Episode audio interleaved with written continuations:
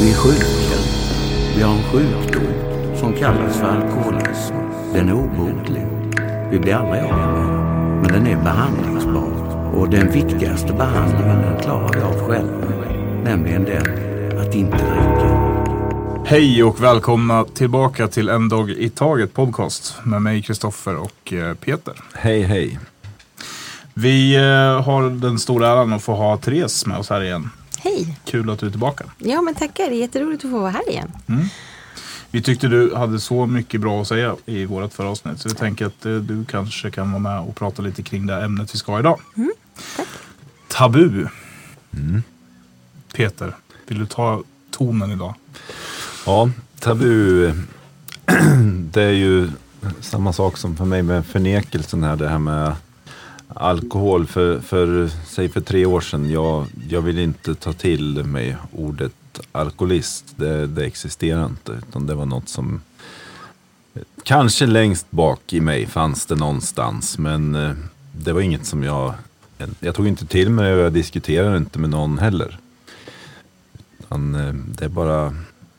Nej, det var ingenting. Det var inget som existerade. Och det är väl det som är problemet idag. Att det är sånt tabu över det här. Eh, och och tillfrisknande det här. Att man inte pratar om det som man kanske borde göra. Eh, det är en sjukdom och man kan få hjälp. Och det har vi fått. Men det ligger precis där du säger också att det är en sjukdom. Jag tror inte det finns några andra sjukdomar som man skäms för att prata om. Eh, på det sättet som man faktiskt gör kring beroendesjukdomen. Eh, för att man, jag tror för mig håller det fortfarande på att försöka sjunka in. Jag ska vara ärlig och säga att jag är fortfarande i gränslandet. Där jag liksom blir så här att, ja, är det en sjukdom? Alltså, eller är jag bara ett jävla rövhål som har druckit och jävel liksom? Förnekelsen spökar där alltså. Ja, eh, och där i ligger ju liksom såklart. Det är därför man måste säga det högt och ofta. För att komma vidare liksom. Eh, Men kring yrkesroller och sådär. Peter, du eh, har ändå liksom, ja du får berätta själv. Ja, nej men jag har ju drivit en mekanisk verkstad i stora delar av mitt liv och det är klart att så här i efterhand så finns det det finns många som har problem, det gör det i den branschen jag var i och säkert många andra branscher. Men det blir lite hur man skyddar varandra också. Det här är ju inget som diskuteras. Och sen när man då som jag, vi har varit inne på det tidigare, men som jag, någon form av chef så den ifrågasätter man kanske inte om han har alkoholproblem. Så det är klart att det är någon form av tabu där. Men det, ja, det, det är någon, det, man kan säga att det är tabu. Det, det, det pratas inte som...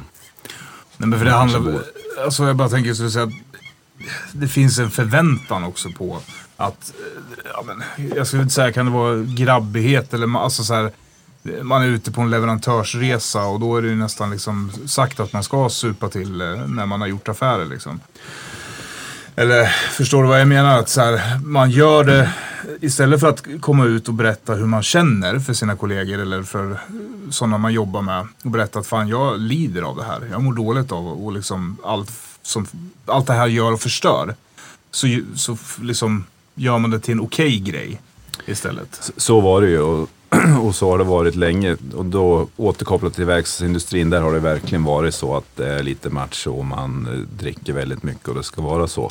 Men faktum är innan jag slutade jobba inom verkstadsindustrin så såg jag faktiskt en förändring här, att det börjar öppna sig lite i det här. Och framförallt på stora svenska företag, där är det inte okej att dricka på det här sättet, utan det finns regler att förhålla sig till. Så där har vi faktiskt öppnat ögonen lite för den här sjukdomen som vi nu kallar det. Vi får komma tillbaka. Jag tänker, Therese, du som ändå liksom har varit framgångsrik i nöjesbranschen och liksom blir en offentlig person. Hur är det i ditt perspektiv som medberoende och hur ser du på det? Ja, men alltså, jag, som sagt, jag visste ju inte att jag led av det. Och det var ju liksom, om man säger, det var ju på en annan nivå när jag var yngre. Alltså, jag tyckte inte att jag stack ut så mycket från mängden. Det var ju först när jag skulle bilda familj och liksom så här, jag hamnade i en, äh, i en sån här relation med en annan beroende. Det var ju då det märktes. Och nu har jag ju kommit till en ålder där jag Alltså, hade jag varit 25, jag vet inte hur det hade känts annorlunda då. Jag kanske inte velat liksom prata om det i pressen och sådär. Mm. Eh, och så där. Det, ja, det finns ju saker så som man pratar om och inte pratar om. eh, som artist så är det ju så här, ja, mer häftigt att prata om ja, andra saker. Liksom, mm. eh, ja, hypa sig själv mm. och sitt liv och sådär. Nu är det ju lite mer vanligt tycker jag att artister använder sina plattformar och pratar om sådana saker som faktiskt är relevanta. Mm. Eh, lite mer mänskliga, liksom, visa mer sån, så, sånt. Eh, vilket känns mycket mer äkta. Alla vet ju att liksom, många artister eh, har, alltså många artister hamnar har hamnat och varit på rehabilitering för droger och alkohol. Alltså det kan ju drabba vem som helst. Mm. Eh, men har du liksom beroende i grunden till exempel, eller medberoende och sen liksom blir, hamnar i liksom artistskap och kändisskap så kan jag nog tänka mig att det kan vara en, alltså, eller det är en extra press mm. naturligtvis. Eh, därför att du har ju liksom ett bagage ett känslomässigt bagage som du inte liksom har dealat med eller dealar med. Och jag för min del så var det väl liksom att jag, uh, alltså jag hade ju alla möjliga bandage och liksom uh, sånt där som jag liksom dövade min ångest med. Artistskapet var ju liksom så här, en grej också, liksom att, att fylla det här tomrummet med som jag faktiskt kände. Det här liksom att, um, ja, men då, att prestera liksom för att, att liksom känna sig älskad och bekräftad Eh, men det jag ville egentligen var att någon skulle se mig för den jag var. Men då var det så paradoxalt liksom, att välja att bli artist. Liksom. Men det är väl så. Då fick jag något beskydd skydd där. Mm. Att folk liksom så inte fick se vem jag var. Så det blir något sånt här äh, ja, eh, motsägelsefullt dilemma som man hamnar i. Och jag tänker i den branschen det finns även, kan jag tänka mig, någon form av Alltså rätt stor marginal för att också gå rätt långt i sitt missbruk innan det liksom ifrågasätts. Så jag tänker mig, eller är det en, jag som står utanför det där? Är det vanligare än vad man tror? Jag tror att det är jättevanligt inom nöjesbranschen med missbruk. Ja, men absolut, det är ju liksom ett, ett känt faktum. Mm. Det är ju bara liksom, det är ju legitimt på ett annat sätt. Du vet rockband, alltså mm. alla, det blir lite så här, det är en drogkultur där också. Och alkoholkultur. Mm. Um, och du får, där får du ju vara clownen och det är tillåtet. Mm. Liksom. Folk, alltså det är nästan bara en hype. Mm. Ju mer trashy du är liksom, och trasig du är och du röjer runt desto coolare mm. vad ska man säga, blir du. Liksom. Det är lite så glorifierat i den bemärkelsen. Um, men det betyder inte att personen i fråga mår bättre. Uh, eller? Tänker lite på Ozzy Osbourne här. Ja, jag fick också upp honom i huvudet. men, men det finns många som har tillfrisknat också. Mina eh, barndomsidoler, Def Leppard, där är ju fyra av fem är ju mm. rena idag. Så det, det, finns ju den sidan också. Men det är, det är ju intressant där hur, om man ska säga då så här, ur en vanlig människas, uh, säga så här, om jag tar mig själv som exempel, att jag ska gå ut med att jag är alkoholist eller, och missbrukare. Det är ju för mig jätteskambelagt. Nu har jag valt att göra den här vägen. För det som jag brukar säga till mina närmsta, att det här med podcast och gå ut med det till slut på, på min, mina sociala medier. Det är faktiskt ett, för mig en skyddsbarriär. För att jag vet lite hur jag själv funkar. Jag är envis som en jävla åsna. Och jag ska liksom, så för mig är det någonstans här att ta mig ifrån det här jävla sjuka beteendet. Men det är jättemycket skam bakom det. Men om man tittar då på mottagarna av det här. När, om jag berättar att jag är alkoholist, då känner jag ju själv i alla fall att fy fan vad jag liksom har misslyckats och har varit så. En rockstjärna, samma person kommer ju, kan jag tänka mig ha en helt annan tolerans för. Att den tar substanser och så vidare. Precis som du säger, att det nästan förväntas. Mm. Och då blir det inte lika smutsigt och äckligt, även fast jag tror att det är precis lika smärtsamt, smutsigt och äckligt för den personen. Ja. Att vara missbrukare. Ja, absolut allt det där som man ser på ytan. Det är samma sak med, liksom, med klubbkulturen och allt sånt där. Liksom, jag levde i det där och liksom, det ser ju jätteglammigt ut på ytan. Och mm. alla bara, du vet, ser snygga, framgångsrika är och liksom tar droger tillsammans och festar hela nätterna, är på, de, ja, på festerna och sådana saker. Det, är ju liksom, det ser glamoröst ut men det är ju, finns ju en baksida mm. med det.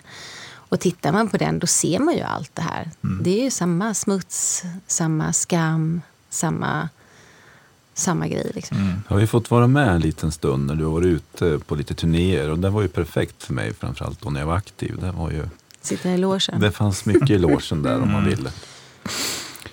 Men det var ju som du sa till mig när vi träffades. Så sa jag så här, men vad, eh, vad, vad, vad, vad ska du göra? Skämta om man skulle säga, åka med och gigga. Ja, men jag tänkte att jag skulle bara sitta och bada i en tunna med Lindemans. Lindemans. Perfekt. Chardonnay. Ja. Eh, det var ju din dröm då. S- Sen en grej i det, det är ju hur, hur öppen man är med det här. Det, det är som jag tror vi var inne på den här avsnitt, men jag valde ju dag ett att gå ut med det här. Och det är ju en frågeställning man får göra sig. Alltså, vill jag gå ut med det? Men så mycket positivt som jag har fått av att gå ut med det här. Det, det, det är så mycket positiva reaktioner jag inte fått i hela mitt liv. Så att jag, jag tror ju att de flesta människor responderar ju på det sättet att du får positiva reaktioner. Det är, det är okej att gå ut med en sån här sak. Och folk ser ju att man har ett problem. Sen om, de, om man tycker det är en sjukdom eller inte. Men folk inser ju att han har faktiskt ett problem och han försöker göra någonting åt det. Det är ganska bra. För, förut som vi pratade om att man lägger ut Instagram-bilder, man står med ett helrör och häller i sig klockan halv ett på natten. Det är, ju- det är sådana kontraster. Och i mitt fall är det ju, dels är jag nöjd, jag är mycket mer nöjd med mig själv vad jag är idag. Men jag hoppas ju också att det kan visa andra, kanske de som lever i förnekelse och de som inte vill ta till sig det, se att fan det där funkar ju. Sen vart det då lite att man tar ett återfall, men det hör ju till också i det här att eh, resan är inte spikrak. Men jag valde ju det dag ett att visa upp det här. Mm. Får jag bara flika in en grej där? Ehm, Just den här grejen med återfall. Eh, Det finns ju väldigt mycket skam och tabu där också. När en alkoholist då beslutar sig för att bli nykter och bli nykter och sen tar återfall. Att där är det en, en, en ny skam, en, ett nytt lager skam och skuld på något sätt. Men där tycker jag att du verkligen, jag har faktiskt berömt Peter för det. Liksom att, att, han, att du liksom bara upp igen och bara kunde stå för det. För det, är, ju- alltså, det händer ju. Det var ju den här berömda koftan där. När man, jag tog på mig den en stund, men så fort man tar av sig den så är det ju bara att köra på igen. Och allt som man har lärt sig under den här perioden, det fanns ju kvar där. Det gällde liksom bara att komma upp på banan igen. Och när jag väl gjorde det så gick det ganska fort. Jag kan ju säga så här att eh, jag opererades för ett tag sedan. Och eh, eh, det jag ska komma till nu är så här att bara att jag har suttit och poddat med dig Peter är ju att jag har ju lyssnat på dig kring ditt återfall. Eh, och för mig så var det så här nu att jag tog inget återfall aktivt i någon al- alkohol. Så det. Däremot fick jag ju morfin eh, efter min operation. Och det var ju ett ypperligt tillfälle eh, helt legitimt tillfälle att eh, få en sinnesförändrande substans i kroppen. Men faktiskt var bland annat Peters ord någonting som har studsat i mitt huvud. Att det här jag har lärt mig och att jag ska lära mig någonting utav det. Och vara ärlig med att jag menar så här, jag kan inte bara gå och räkna dagar från att jag slut, alltså skruvade på korken på flaskan. För det är inte det som är meningsfullt egentligen. Utan det är summan av vad jag tillfrisknar i som är det viktiga. Så att det är ju också en sån här grej som man kommer, alltså livet kommer skjuta in små jobbiga saker. Typ där du måste stå under läkarvård. Hur ska man hantera det? Och hur kan jag förebygga det nästa gång jag måste in för läkarvård? Prata med mina läkare och berätta om min situation. Det gjorde jag inte den här gången. Så att, eh, och det ligger ju också skuld och skam bakom det och tabu. Att så här, när, när jag sitter och pratar om den sjukdomen jag skulle opereras för så är det fokuset.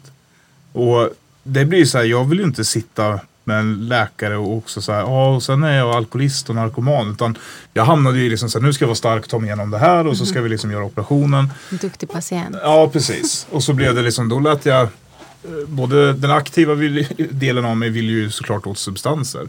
Och fått skäl för att göra det. Men så fanns ju också skulden och skammen tabun där. Och berätta för liksom ett rum med sköterskor och bla. Att ja, och sen kom ihåg att jag är alkoholist också, så ge mig inga coola preparat. Liksom. Men det gav dig också någon form av insikt, det som hände där. Mm. Var du är idag. Liksom, att du, du tänkte ju på det, för eh, ett halvår sedan hade du inte Nej. reflekterat över det överhuvudtaget. Nej, eh, för ett halvår sedan så hade jag eh, nog mixat det med alkohol också. Ja. Mm, precis, gärna tagit en grogg till. Ja, det hade jag gjort. Ja. Det var som vi sa någon gång, det att eh, jag går ju på antibiotika nu för en infektion och det var också en sån grej. Man kunde ju aldrig gå på en antibiotikakur hela vägen. Liksom. Eh. Det, det kan man göra nu, det känns rätt bra. Men sen är det inte så här eh, att också att ehm, alltså, alkoholism benämns inte som en sjukdom överallt. Eh, så många blir också förvirrade som kanske inte liksom eh, har, vad ska man säga, har skaffat sig kunskap eh, om alkoholism, att det är en sjukdom. Att det handlar om moral och så vidare. Eh, och karaktärsbrister, ja naturligtvis och karaktär, men det är ju också en sjukdom. Att den, just den saken och det faktumet, att förstå det, för, för mig är det det. Och jag vet att det är för er också, för ni lever med den. Och så pass mycket har jag förstått. Uh, att det faktiskt är en sjukdom det rör sig om. Och det gör ju också att förståelsen fördjupas och ökas. Och det gör ju också att tabun ehm, minskar. Och skammen också. Därför att en alkoholist skäms ju väldigt mycket på grund av omgivningens brist på förståelse. Att man tror att "Ja, men du är en jävla loser för du är alkis. Alltså fan, ta dig samman nu och sluta dricka, sluta knarka eller whatever. Liksom. Men att det är djupare än så. Eh, och den här grejen tror jag är, vad ska man säga, en av de viktigaste, vis, viktigaste sakerna. Att kunna liksom upplysa om det mer, att få förståelse. För mig har det hjälpt jättemycket. Liksom allt den här skuldbeläggningen och allt sånt där har ju liksom alltså försvunnit. Jag kan ju inte liksom, jag kan inte bli arg på honom för att han är sjuk. Sen så är det ju liksom naturligtvis, det betyder inte att jag accepterar ett oacceptabelt beteende när han lever i sin beroendepersonlighet eller när han, om han inte tar sitt tillfrisknande på allvar. Vilket betyder inte bara att sluta dricka utan även att han måste ju vara nice. Liksom. Det hänger ihop. Liksom. Ja, Ja. oh, den, svår, den svåraste grejen. Men, men precis, men det är lite roligt därför att de här grejerna kunde jag ju inte klocka innan. Jag bara, men varför är du så här? Men fan, du har ju slutat dricka, men varför är du så här? Du beter dig fortfarande så här. Liksom. Jag fan, fattar det inte. Och sen så bara, men det är ju det som är en del av sjukdomen. Det är så den ter sig. Men att poängtera, det betyder inte att du ska acceptera att en människa oavsett eh, alkohol, att en alkoholist eller inte beter sig som ett arsle. Liksom. Nej. Så tänker jag också på det här med om man står mellan att våga berätta att man är beroendesjuk eller alkoholist eller narkoman eller hur man vill uttrycka det. Så jag tänkte så här någonstans. Jag har ju försökt hjälpa mig själv och liksom olika sätt och då har jag inte gått ut med det utåt. Och det kan ju också vara kanske ett tecken på att man inte riktigt var redo att tillfriskna helt. För man känner att jag kommer ändå falla tillbaka i det här igen. Men sen självklart också tankar det funnits där. Vad ska kollegor tänka eller vad ska sådana vänner som inte vet om det tänka och liksom associera det här livet till. Och sen att det är mycket smuts och skam i det, absolut. Men grejen är så här. Det jag kommit till slutsats till det är att att gå ut och berätta att man är nykter alkoholist. Det är i alla fall, jag menar om det är någon som tycker illa om mig för att jag är nykter alkoholist. Så gör inte det så ont. För den personen kanske inte är superviktig för mig i mitt tillfrisknande. Um, så att på så sätt vågar jag bryta tabut i alla fall och prata om det. Sen var alternativen, för min del om jag tänker att jag inte skulle ha berättat det, som jag levde innan jag blev nykter. Eh, skulle jag då gå på fester och göra saker med jobb, det skulle inte fungera för mig. För jag var ju alltid den där clownen som jag pratade om en gång till. Och då, då blir det jättesvårt att liksom dölja det här. Så för mig var det nog inget alternativ egentligen. Det, det var nog bara den vägen att gå. Mm. Och det blir ju ärligt på ett sätt. Sen finns det ju de som har varit nykter i 30 år och inte sagt någonting om dem. Det får man ju välja själv. Ja men även om vi är jävligt lika varandra i våran sjukdom så är vi ju fortfarande olika individer. Vi har olika behov och olika sätt att också, som jag sa tidigare, för mig är det som att sätta upp en säkerhetsbuffert. För att jag behöver mitt pannben och min, det här drivet att överbevisa någonting till att ta mig en bit från mitt aktiva tillstånd. Och om det hjälper mig så, ja, då funkar det för mig. Sen är det väl jättefint också på vägen att det finns ju något i våra program i, i liksom tolfte steget att nå ut och få andra tillfriskna. Eh, om man tjuvstartar lite med det så kan väl inte det vara något illa heller. Liksom, Det, det som jag blev varnad för det var ju just vid ett återfall. När man är så öppen som jag är, framförallt på Instagram. Vad gör man vid ett återfall? Jo, där hann jag ställa till det några veckor och liksom lägga ut kanske lite konstiga bilder och det förändras för många. Men jag tycker ändå att jag redde ut det. Jag tog bort det som inte skulle vara där och sen så talade jag om för alla som det var. Att jag har haft ett återfall och se och så när jag är på banan igen. Och jag vet inte om det var så farligt egentligen, men så gjorde jag i alla fall. Ja, återigen. Ja, Ja, ja. förlåt. Jag, men jag tänker att man, du, du hjälpte. Du hjälpte ju att bryta tabun och skammen även där. Eh, och det tycker jag var väldigt modigt. Ja, men och precis som jag sa, även för mig så hjälpte det mig i min... Även om, för jag menar, jag får ju se det precis, alltså tankemässigt och känslomässigt så har jag genomgått ett återfall. Där jag fick uppleva sinnesförändrande substanser och det var jättetydligt att jag gick från eh, alltså, nykter till på ett sätt aktiv igen. Även om det var en väldigt, väldigt kort tid. Eh, och där hjälpte det mig att ha pratat med Peter om att så här, det är inte så jävla farligt att ta det här återfallet för man kan upp Man på hästen kommer liksom. tillbaks. Ja, och det viktigaste också är både för medberoende och beroende är att, att det spelar ju ingen roll hur många gånger du faller. Det är ju att du reser dig igen. Naturligtvis lite annorlunda. Alltså, fa- med falla, jag, när jag säger falla så menar inte jag för en alkoholist att falla varannan vecka in i alkoholen och substans. Och liksom, för det kan innebära eh, alltså liv och död. Men liksom att man svajar, att man kanske liksom, eh, ja men inte vet jag, liksom att man bara svajar till liksom. Och så, för det är ju en del av tillfrisknandet också. Det är inte en rak väg. Utan, och jag menar att man går tillbaka till gamla beteenden eller gamla tankar och sådär. Det är ju liksom hela grejen. Men att man kommer in i det igen liksom. Jag menar, vi var ju inne på det, pratade om eh, det här med torrfullhet. Jag menar, man kan ju gå, och vi har pratat om vita knogar, alltså man någonstans så här är nykter i tio år fast man är torrfull. Alltså du har skruvat på korken på flaskan men du har inte tillfrisknat. Då är det väl, tänker jag, mer värde för mig själv att hellre ta ett återfall och lära mig någonting av det. Och i det här, återigen, men alltså- men alltså för att tillfriskna. Sen är det inte tiden i sig som gör att du blir frisk på så sätt. Om du inte gör någonting aktivt för att tillfriskna under tiden. Jag tror ju inte att man är beroende om man kan vara nykter i tio år utan någon hjälp. Det, då, då tror inte jag att man har sjukdomen. Så det är också en liten sån där, är man sjuk eller är man inte? Eh, Jag skulle inte klara av det utan att göra, få någon hjälp. Det är jag helt övertygad om. Nej, men jag, jag vet inte om det, alltså där håller jag nog inte med dig. Jag tror att det finns saker i livet som kan hända som gör att personer håller sig nyktra men inte tillfrisknar. Alltså att man, man Absolut, får jag liksom håller med en, dig där med. Ja, och sen så kan det hända någonting. För att vi pratade om det i, det var det avsnitt du var med i tidigare Therese, där du sa det här just att eh, beroendet är inte alltid alkisen på bänken. Eh, utan jag känner igen mig mycket i det här du sa att det var det kunde liksom gå upp till det här tills att det blev kaos och då ställde jag till det för alla människor runt omkring mig så jävligt. Och den där perioden där kan vara mer eller mindre lång. Men man kommer till kaoset. Och även om du då har hållit dig nykter i tio år så är du sjuk i det så kommer du ställa till du Ja, dricker. men en annan sak som är kanske viktig att belysa också är det så här att, eh, och det kan ju ni vittna om, liksom att, att alkoholism är en progressiv sjukdom. Mm, att är den är liksom i de här stadierna. Du kan ju befinna dig på stadie ett en lång tid, stadie två en lång tid och sen stadie tre, vilket som är den sista, sista stadiet och det är ju då ja, vad ska man säga, det oftast slutas med, slutar med liksom fysisk död eller sinnessjukdom. Liksom. Ehm, ja, för det kan bara sluta på det sättet om du fortsätter dricka. Du förstör ju kropp och själ. Alltså jag kan bara hålla med till 100%. Så är det för mig i alla fall. Alltså det finns aldrig... Eh, alltså den här bussen går bara framåt. Det finns, jag kan aldrig gå på den där eh, första hållplatsen igen. Och det märker jag, alltså jag vet hur jag också har pratat. När jag, hade kan hållit upp på att jag tog inga andra droger än alkohol under två år. Då var jag frisk. För att för mig så var det så här, då hade jag tagit bort tabut i mitt liv.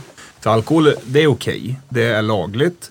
Och då var det så här att, ja men då kände jag fan om jag kan sluta ta kokain till exempel. Ja men då är ju inte jag beroendesjuk. För att jag kan ju välja att inte ta det. Men jag, jag väljer aktivt att ta alkohol för att jag vill det typ. Så där höll jag på. Och, men det där vart ju progressivt. Och sen så tog det två och ett halvt år tror jag som var helt fri från allt. Det jag tyckte jag var frisk. Och sen så tog jag liksom ett återfall då inom situationstecken på eh, andra substanser. Och precis som du säger där, så är det så här, då börjar man ju där man slutar. Alltså då skickar jag i mig liksom en mängd som hade kunnat fått mitt hjärta att stanna. Det är ett under att det inte gjorde det. Mm.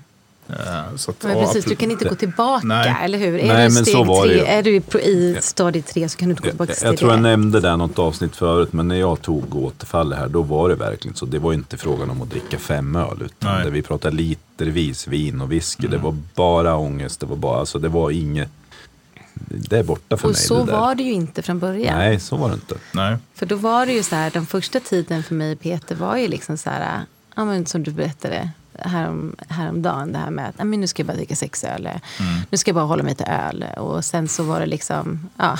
Ja, jag provade alla de varianterna. Mm. Men jag berättade ju också ett avsnitt här att jag öppnade ölkorkarna och hostade till ute i tvättstugan. Mm. Det var också en sån där grej. Som, Men sen är det ju just det här också, så här, alla vi som har, vi har gjort det, här, ja men jag ska dricka öl. Ja, nog fan så slutar man ju till slut med en jävla björnbrygd på 12 procent. Ja, för det är men- fortfarande öl. jag gick ju på Norrlands guld 7-2, Mm. det funkade för mig. Men jag drack 14 sådana, de tyckte att det var ganska nice och behaglig person. Mm. Och det är ju ändå en, en ganska hälsosam konsumtion, för det är ju öl. Ja, Så det var ju liksom ingen fara. Nej men det skämt åsido, man har ju verkligen så flyttat fram allt. barriärerna för att förklara varför man eh, dricker och att man inte är sjuk. Men eh, det, ja, jag, det- jag har inte träffat någon eh, nykter alkoholist eller alkoholist som kan gå tillbaka. Nej, men är det inte så att du behöver mer och mer och mer och mer? Jo, fast sen provar man ju då lite andra vägar för man vet att det är så illa. Så man testar ju lite då. Jag kanske bara kan dricka vin nu. Jag kanske bara kan dricka öl och sådär. Men någonting som jag utvecklade när vi var tillsammans Therese, det var ju det att jag visste att jag visste att du tyckte att jag drack för mycket. Så att om vi skulle gå på fest, då tog jag med mig så många öl jag kunde in i duschen. För då visste jag att där var inte Therese, där kunde jag liksom trycka på. Så där fick jag ju i mig kanske då tre, fyra öl medan jag duschade.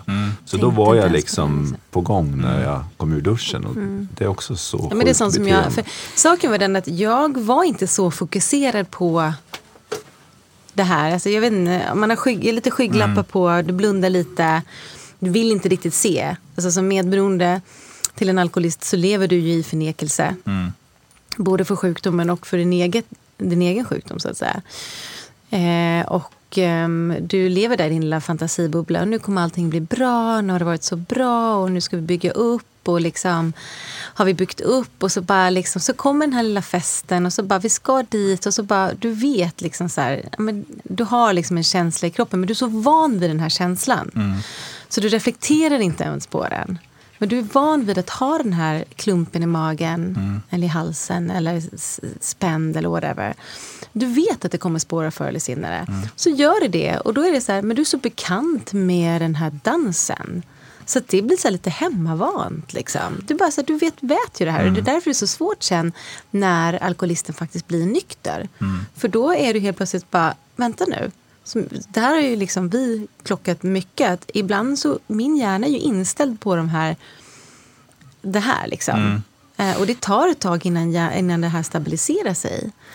Ehm, och liksom att jag ibland bara går in och bara så här, helt plötsligt blir jag så nervös. Liksom, och bara så här, "Ha, eh, ja, men nu liksom så här, då är det nästan som att jag, det sjuka i mig vill framkalla det här hos honom.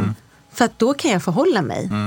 Och då, hitt, då hittar du din Ah, trygghet. Då hittar jag min Men trygghet. jag vet inte om det här är en fråga eller om det är ett påstående. Det får vi avgöra när jag har sagt det. Men jag har pratat mycket och du om, om det här fönstret som vi alkoholister. Som bara blir mindre och mindre. Och fönstret av välmående när man tar sin lösning. Om det nu är kokain eller alkohol eller vad fan det är. Eh, och det här fönstret blir svårare och svårare att uppnå. Och det blir kortare och kortare och kortare. Det jag upplever hos de som har funnits kring mig. Så, har, så är det någonstans som att de i, när jag är i fönstret, då så kan de njuta en stund med mig. För då är man den här glada, den här som de kanske ser tillbaka att de träffade. Men sen slår det ju över. Och då kommer ju det här största mörkret.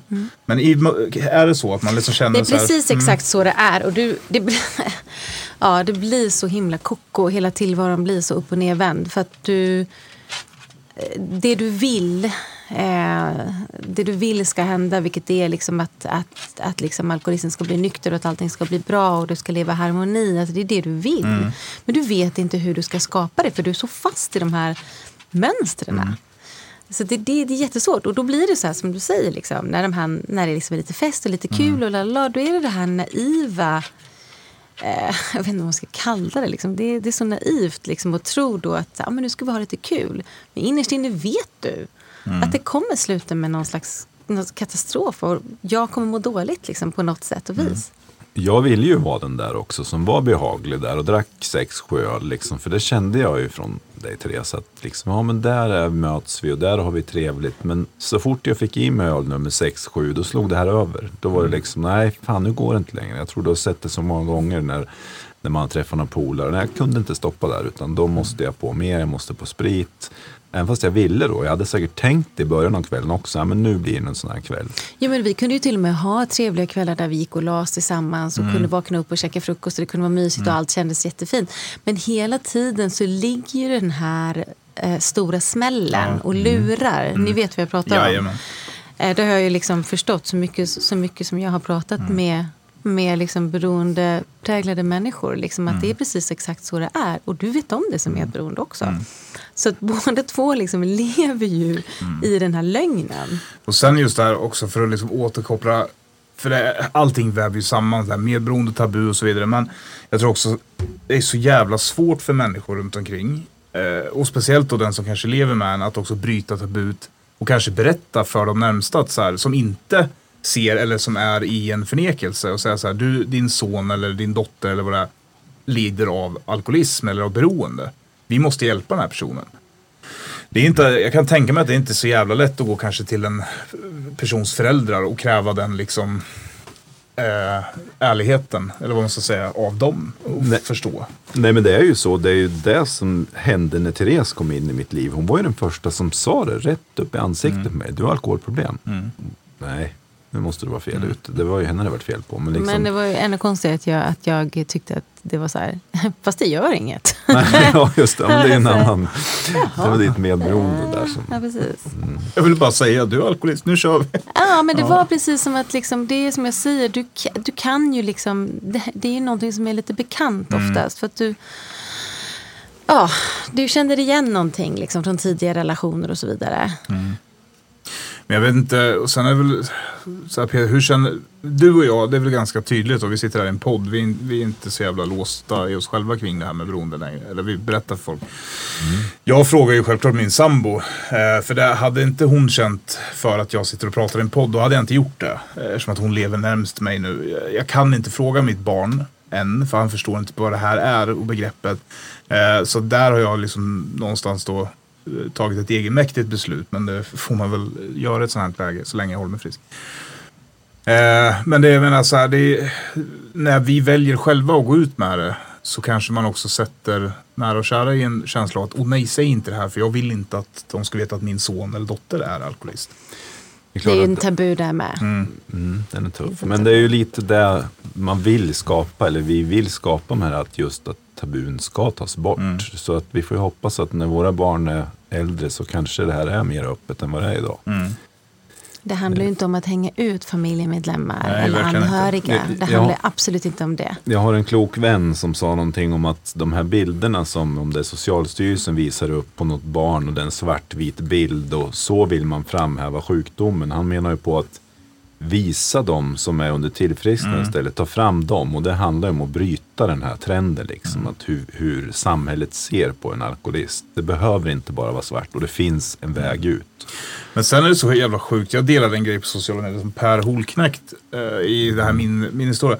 Också hur samhället nästan är. Hela jävla samhällsstrukturen är medberoende. Mm. Försöker hitta ett svar på hur vi alkoholister ska kunna dricka. Mm. Och det, är lite så, jag, jag det gick så jävla rakt in i hjärtat på mig när han, när han säger det här. Liksom, att, men för fan, ta inte den, det liksom den synvinkeln på det. Mm. Ta upp de här, om vi säger då en på miljonen som klarar av att dricka. Mm. Det är ju inte representativt för alla andra. Men det är livsfarligt för oss alkoholister och alla som drabbas av det. För att vi liksom, ja men jag är nog, för vi, vi är väl så som människor, vi tror ju att vi är unika. Och då är man ju såklart den där som ska kunna dricka.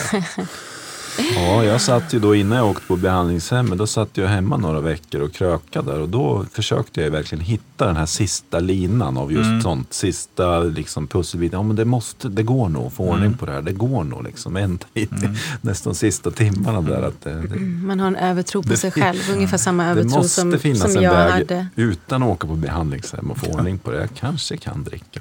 Ja, men jag skulle ju fixa dig också. Ja. Det var ju så. Så att jag, jag hade ju också en övertro på mig själv, liksom, att jag skulle fixa till situationen. Jag skulle ju kunna bota liksom, honom Mm.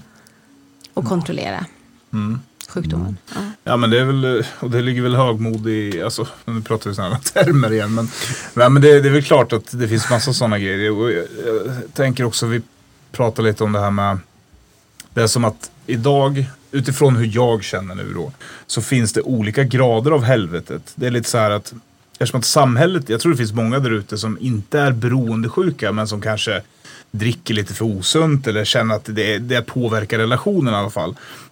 De vill ju inte höra att alkohol jämställs med eh, någon jävla tjack till exempel. För att det är ju två skilda saker. För det ena står med i lagboken och det andra inte. Liksom. Eh, och jag kände också det länge så här när jag har suttit i, på möten och sådär att ja, men, ja, men alkoholister känns bekvämt att prata om. Men även i vissa sällskap då så kan jag känna att men när jag nämner så här, ja, men sen så var jag liksom hög på amfetamin. Då kan ju till och med en, en nykter alkoholist tycka att jag är lite, alltså så. Jag tror det är naturligt, men det handlar ju om att det finns olika grader av den här tabun liksom. Ja, och sen som du säger, alkohol är ju lagligt. Och narkotika är det inte. Men det är väl tillbaka till det här med rockstjärna. Att om man är rockstjärna då, då är ju knarket liksom, som vi säger då. Då är det lite mer okej. liksom. Du, är du Ozzy Osbourne då är det fan, då ska du snorta cola och myror och allt vad det är. Liksom. Och då är det okej. Men äh, det är jättekonstigt. Det finns mycket fördomar, så är det ju. Och även liksom, inom tillfrisknandet kan man ju stöta på fördomar. Liksom. Det handlar ju om att bryta det också. Bryta tabun och bryta alltså, fördomarna kring ämnet. För du var inne på det här också, pratade just om det att sjukdomen i sig, den kan ju slå ut på så mycket olika saker. Olika substanser, mat, sex, beteende. Alltså det, vi kan ju missbruka allt egentligen. Ja. Eh, och då får man nog börja med att våga jämställa, eller egentligen skitsamma vad du missbrukar. Förstå att man är beroendesjuk. Och det är där i det ligger. Eh, och det finns inga nivåer i det. We're all the same. Yes. Verkligen. Och sen ska man ju liksom förstå att, att liksom det här samhället som vi har byggt upp, eller som sådär, det är ju också sjukt. Och väldigt dysfunktionellt. Alltså, det är ju bara att sätta sig och börja pläddra igenom Instagram och Facebook så blir man ju typ sjuk själv. liksom. eh, så att oavsett liksom vad det är man lider av så eh, är det mycket som, som är dysfunktionellt. Och där, där ligger ju såklart, som du säger, så sociala medier är ju en sån här grej som i historien kommer ha sån stor betydelse för när jag tror att mänskligheten, alltså det kan vara mycket gott i det, men också jag tror väldigt, väldigt mycket destruktivt i hur vi människor har sugits in i det här sociala medier. Men vi, det kommer ju inte försvinna, men man får försöka anpassa det på något sätt så att vi kan göra gott av det. Ja, men alltså just det här med liksom att alla vet ju att det finns inga liksom perfekta tillvaror och sådana saker. Ju mer ärligt du kan liksom förmedla dig själv och ditt liv, då kan du ju liksom använda det till någonting bra, tänker jag. Liksom, att, att man på något sätt, liksom, att vi kanske kommer dit, att vi vågar lyfta de här ämnena och, och liksom prata om problemen. Liksom. Jag tror att det skulle bli, jag tror att, jag tror att vi skulle må bättre av det. Men där får man ju också på sociala medier, man får ju en bra respons känner jag. Kontra jag lägger ut en sportbil eller talar om att jag har blivit nykter. Så är ju responsen så mycket bättre på att jag har blivit nykter. Och det är ju positivt att det finns många människor som ändå vill se sunda saker där. Och det är ju jättebra. Och jag tror det, det grundar sig väl i att människan i grund och botten blir ju inte lyckliga av monetära saker. Alltså vi blir lyckliga av att bygga känslomässiga band som kan skydda oss tillsammans, vi är flockdjur. Jag vill bara titta på, har du jävligt ont så är din enda önskan att inte ha ont längre. Om du når dit så mår du så jävla bra. Sen är det ju tyvärr så att i en samhällsstruktur som vi idag har byggt upp så har vi det för bekvämt. Så jag tror att det blir att vi måste söka hela tiden av naturliga. Men det är ju det här med då överkänslighet eller liksom så att har du då en reaktion emot det goda så blir det en överreaktion så blir det dåligt. Ehm, Men att prata om det gör det lite lättare och förs- försöka liksom hantera det. Det går framåt. Ja, Framåt. verkligen. Ja. Ja, hörni. Eh, det går fort när man har roligt, höll på att säga. Men vi, vi har pratat på en bra stund här nu om eh, tabuer och sådär. Och kommit på lite sidospår. Men vi ska väl runda av här. Tänkte vi. ja, vi får tacka så mycket. Ja, tack Ja. igen för att du är här, Therese. Tack snälla. Tack, Therese. Tack. Eh, och som vanligt, kommentera och eh, ja, ta kontakt med oss om det är något speciellt ni vill att vi ska prata om ur vårt perspektiv. Tack för idag. Tack för idag. Tack, Hej då. tack. Hej.